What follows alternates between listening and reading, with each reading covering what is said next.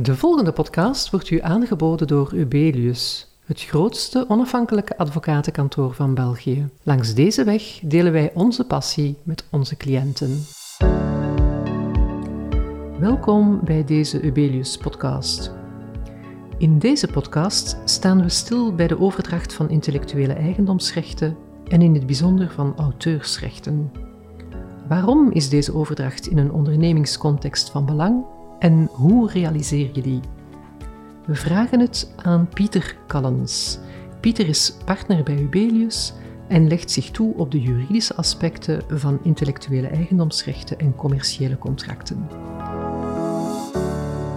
Dag Pieter, welkom. Dag Connie. We hebben het uh, over clausules voor de overdracht van intellectuele rechten.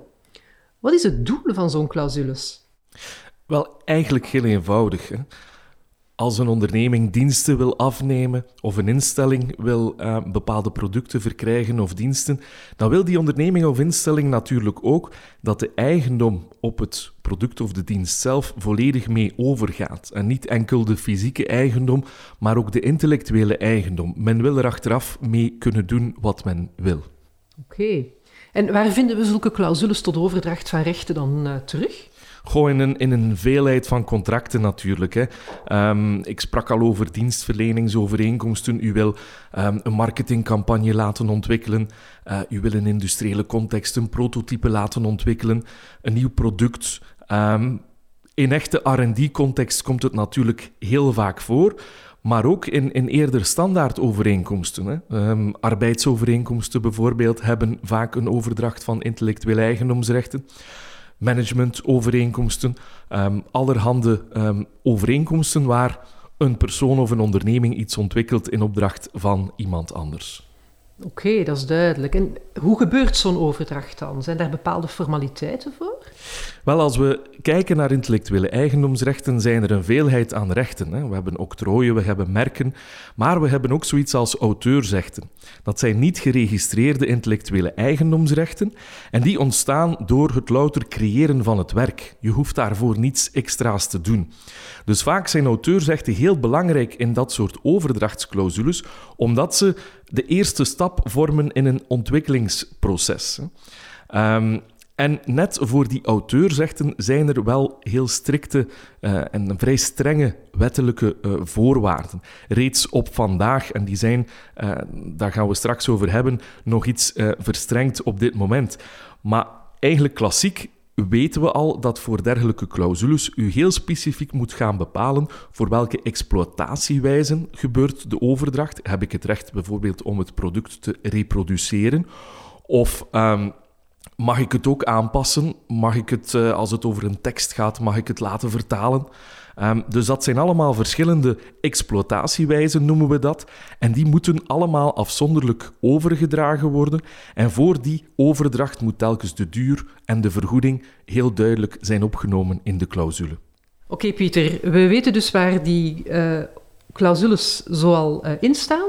Maar hoe gebeurt dat nu? Hoe ga je uh, intellectuele eigendomsrechten overdragen? Zijn daar bepaalde formaliteiten voor?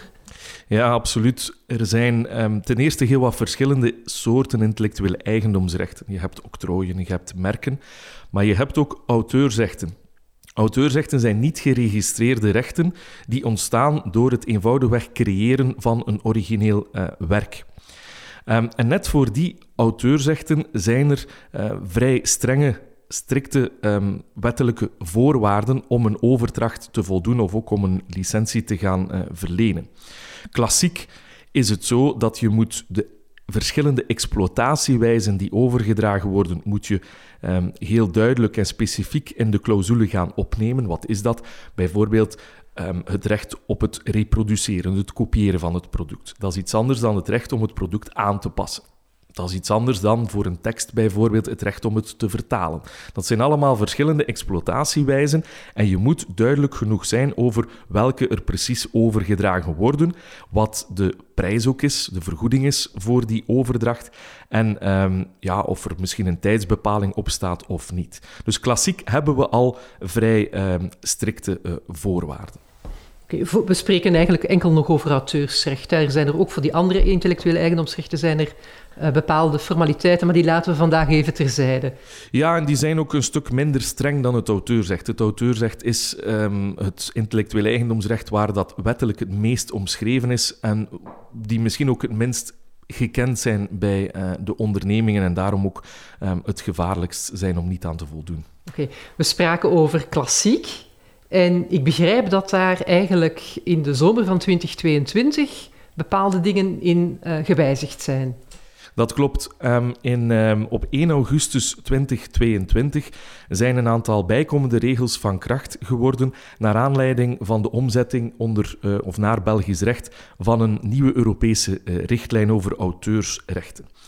Ja, pittig detail daarbij is dat die omzetting of die richtlijn vooral bedoeld is of was voor um, ja, meer de culturele werken, hè? De, de, echte muziekwerken, audiovisuele werken, waar je onmiddellijk aan denkt als het gaat over auteursrechten. Men is minder blijven stilstaan bij de impact van die nieuwe regels op meer overdrachten in wat ik zou noemen de industriële of de ondernemingscontext of de RD-context. Um, ja, dat, dat valt mij wel op. Bij auteursrechten denken wij aan, aan een boek, eventueel aan, god ja, weet ik veel, een schilderij. Uh, maar het gaat duidelijk wel een heel eind verder. Kan je, kan je dat even toelichten? Ja, absoluut. In het ontwikkelingsproces, omdat er geen registratie nodig is voor, voor uh, auteursrechten beter, uh, is het een intellectueel eigendomsrecht um, wat vaak de, de, de, eerste stap vormt in dat ontwikkelingsproces. En je wil ook die eerste stap, je wil daar ook juridisch ingedekt zijn, maar auteursrecht rust op zoveel. Hè. Um, we denken aan plannen van machines, testverslagen, presentaties, handleidingen, um, tekeningen van nieuwe producten. Daar rusten allemaal auteursrechten op zodra ze gemaakt uh, worden. Ook software, ook software die ontwikkeld wordt, is beschermd door het auteursrecht. Um, maar daar gaan de nieuwe regels niet van op toepassing uh, zijn, maar het is ook een onderdeel van het auteursrecht. Oké, dus ik begrijp, auteursrechten ontstaan zonder formaliteiten en ontstaan in heel wat meer situaties dan wij denken. En voorzichtigheid is geboden omdat ze ook al heel vroeg in het ontwikkelingsproces van heel veel uh, ondernemingsgerelateerde uh, activiteiten ontstaan. Zeker, zeker. En uh, het grote risico is natuurlijk als je later een registratie gaat doen van bijvoorbeeld een octrooi, een, een patent in de volksmond genoemd. Ja, dan zou het kunnen zijn dat degene die het effectief ontwikkeld heeft, de natuurlijke persoon, als die zijn auteursrechten op die uitvinding niet heeft overgedragen, kan je al een discussie hebben uh, waardoor je misschien geblokkeerd bent of, of gehinderd wordt om het octrooi te gaan aanvragen. Hè. Um, dus daarom is het zo belangrijk om ook die auteursrechten mee te nemen in uw overdracht van intellectueel eigendomsrecht. Ja, dat is een, heel duidelijk aandachtspunt. Uh, het is dus inderdaad zeer belangrijk dat ze overgedragen worden aan de onderneming. Om achteraf die discussie uh, te, te vermijden. Uh, het kader is heel duidelijk. Je zorgt er als onderneming op die manier voor dat je de rechten zelf in handen hebt. Maar je zei net dat sinds 1 augustus 2022 een aantal nieuwe regels zijn ingevoerd. Waarom heeft de wetgever die regels aangepast? Well, die, komen, eh, die, die, die komen vooral voort uit een um, een bekommernis van de Europese wetgever dat voor culturele werken er vaak een overdracht gebeurt van auteursrechten en de oorspronkelijke auteur onvoldoende vergoed wordt voor um, ja, de bijdrage die hij geleverd heeft. Hè. Als men een muziekwerk maakt, men is een onbekende muziekschrijver of muzikant, uitvoerende artiest. En later wordt dat een gigantisch succes. We kennen allemaal de verhalen uit de pers, waarbij men dan eigenlijk pas een enkel een graantje meepikt van dat succes. En dat was eigenlijk een van de bekommernissen om, uh, om toch die regels wat aan te passen. Um, en men heeft dat eigenlijk gedaan op, uh, op vier niveaus. Men heeft eigenlijk vier principes willen um, invoeren. Um, maar naar mijn gevoel is er toch wat onvoldoende nagedacht over de impact van deze um, regels op de industriële of R&D-context. Of men heeft over het hoofd gezien dat ze ook daar zouden gelden. Ja, ja wellicht wel. Oké, okay. welke zijn die vier principe, uh, principes, uh, Pieter? Wel, eerst en vooral is er de verplichting dat de vergoeding voor de overdracht of ook voor de licentie, het kan voor beiden, passend en evenredig moet zijn. Dat is op zich natuurlijk goed, maar de angel zit vooral in de combinatie met twee andere nieuwe verplichtingen of die twee andere principes, namelijk dat er ook transparantie moet geboden worden aan de initiële auteur. Dus dat betekent, zelfs al heb je jouw eh, rechten overgedragen, dan kan de auteur nog steeds informatie vragen over het succes van de exploitatie, de eigenlijke exploitatie van het, uh, van het werk. Met dan daaraan gekoppeld het derde principe. Als men merkt uit die transparantie dat het werk zeer succesvol wordt geëxploiteerd en dat niet langer in verhouding staat tot de initiële vergoeding, dan kan er zelfs een bijkomende vergoeding gevorderd worden. En, en daar zit natuurlijk het risico. Hè. Je bent niet meer helemaal zeker uh, van de overdracht. Uh, er kan nog altijd nadien uh, iemand aan de deur komen kloppen of eerder aan de kassa komen kloppen. En dan is er nog een laatste principe, een vierde principe, en dat is de herroepingsmogelijkheid. Dat is vooral voorzien voor werken waarvan men zegt van we gaan de, de, de rechten overkopen of overdragen. Maar er gebeurt niks met dat werk. Dat blijft in een, in een spreekwoordelijke schuif liggen. Um, zelfs al is er misschien een termijn afgesproken om die exploitatie te gaan doen. Wel, als dat gebeurt, dan kan de auteur ook uh, de overdracht herroepen. Hè? Dus hij kan eigenlijk zijn rechten gaan terugkrijgen. Wat natuurlijk op zich opnieuw voor heel wat onzekerheid zorgt bij de onderneming of de instelling um, ten gunste van, uh, van wie die rechten zijn uh, overgedragen. Ja, nu, heel even terug naar de, de eerdere principes. Uh, wie zijn rechten heeft overgedragen, heeft recht op vergoeding, heel redelijk. Maar zelfs na overdracht van uh, zijn recht heeft hij recht op informatie over het gebruik van de rechten. En hij kan bijkomende vergoedingen vragen.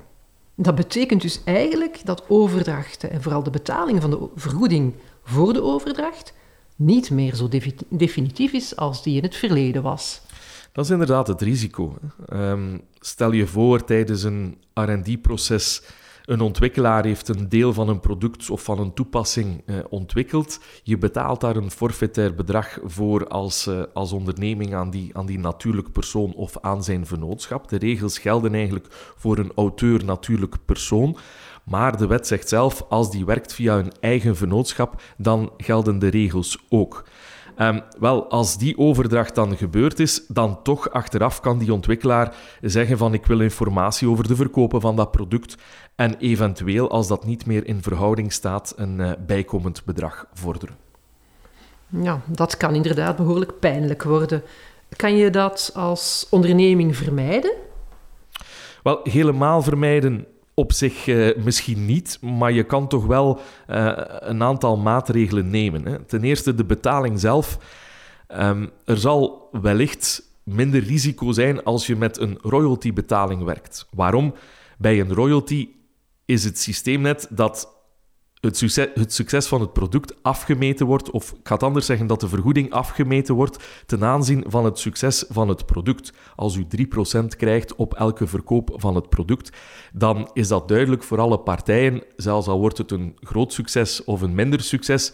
Je weet vanaf het begin dat het die 3% is. En als de auteur dat in het begin passend en evenredig vond, eh, dan gaat dat voor de auteur misschien moeilijk zijn om daar eh, dan een bijkomende vergoeding rond uh, te, te gaan eh, vragen. Iets anders wat je kan doen is, we hebben dan die transparantieverplichting en daar, zijn een, uh, daar is een uitzondering voorzien indien de bijdrage van de auteur niet significant is in de totaliteit van het, uh, van het werk.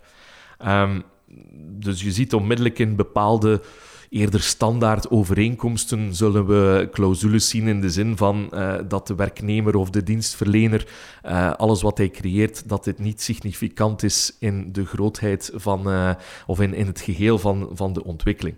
Maar zelfs als je dat in uw clausule voorziet, als de realiteit natuurlijk anders is, dan um, zal men niet ontsnappen. Ja, en, en wat is klein? Hè? Wat is niet significant? Is dat omdat het een klein onderdeel was, dat misschien heel heel belangrijk kan zijn? Of is het omdat het geen belangrijk onderdeel is? Ja, absoluut. Daar is natuurlijk niks in de wet zelf rond voorzien. In de rechtspraak weten we dat dat zowel in kwalitatief als in kwantitatief opzicht kan bekeken worden. Dus zoals je zelf zegt, het kan uh, misschien kwantitatief over iets kleins gaan, maar die net de core, het hart vormt van uh, uw ontwikkeling, dan is het kwalitatief wel zeer significant, natuurlijk. Maar dat is voer voor de rechtbanken nadien, denk ik. Ja, effectief. Daar, uh, dat, dat belooft nog inderdaad uh, interessante discussies op te leveren. Um, Pieter, nieuwe regels, gelden die ook alleen maar voor nieuwe overeenkomsten? Laat ons zeggen voor overeenkomsten sinds gesloten sinds 1 augustus 2022? Wel, ten eerste, de Belgische wetgever moest de richtlijn omzetten uh, voor juni 2021. Uh, eh, men heeft dat naar Belgische traditie niet gedaan, of natuurlijk een, meer dan een jaar te laat gedaan. Om dat enigszins te remediëren, heeft men in de wet voorzien dat um, um, de regels van toepassing worden op auteursrechtelijke werken of beschermde werken die op of na 7 juni 2021 eh, beschermd zijn door het auteursrecht. Dus er is een, beperkte retroactiviteit, maar vooral voor overeenkomsten is het belangrijk om te zien dat het aanknopingspunt de werken zijn. Hè? Dus het kan zijn dat we een overeenkomst hebben die niet gewijzigd is, die doorloopt, en als onder die overeenkomst een werk is gecreëerd na 7 juni 2021, dan val je onder de nieuwe uh, regels. En natuurlijk voor nieuwe overeenkomsten die na die datum zijn gesloten uh, ook, want ook dan zullen de werken na 7 juni 2021 ontwikkeld zijn. Dat belooft ook pittige discussies, want bewijs maar wanneer je iets hebt uh, tot stand gebracht. Ja, maar dat zijn discussies die we in het kader van intellectuele eigendomsrechten wel meer moeten voeren. Dus ik ga niet zeggen dat we dat gewoon zijn, maar uh, het, het behoort toch wel tot, tot de dagdagelijkse praktijk. Oké. Dus de overdracht van intellectuele eigendomsrechten is dus voor ondernemingen eigenlijk een heel belangrijk aandachtspunt. Dat heb ik, dat heb ik begrepen. Dat is in het algemeen zo, en zeker ook voor auteursrechten, uh, die in een ondernemingscontext zeer belangrijk kunnen zijn, in tegenstelling tot wat we misschien zouden kunnen denken. Um, en je moet daar al heel vroeg in het ontwikkelingsproces van nieuwe producten bij stilstaan. Um, en in het bijzonder aandacht besteden aan de manier waarop je de overdracht van rechten gaat uh, vergoeden. Zeer interessant, uh, Pieter. Hartelijk dank uh, voor deze verhelderende toelichting. Graag gedaan. U luisterde naar een podcast van Eubelius. Voor meer informatie kan u terecht op eubelius.com.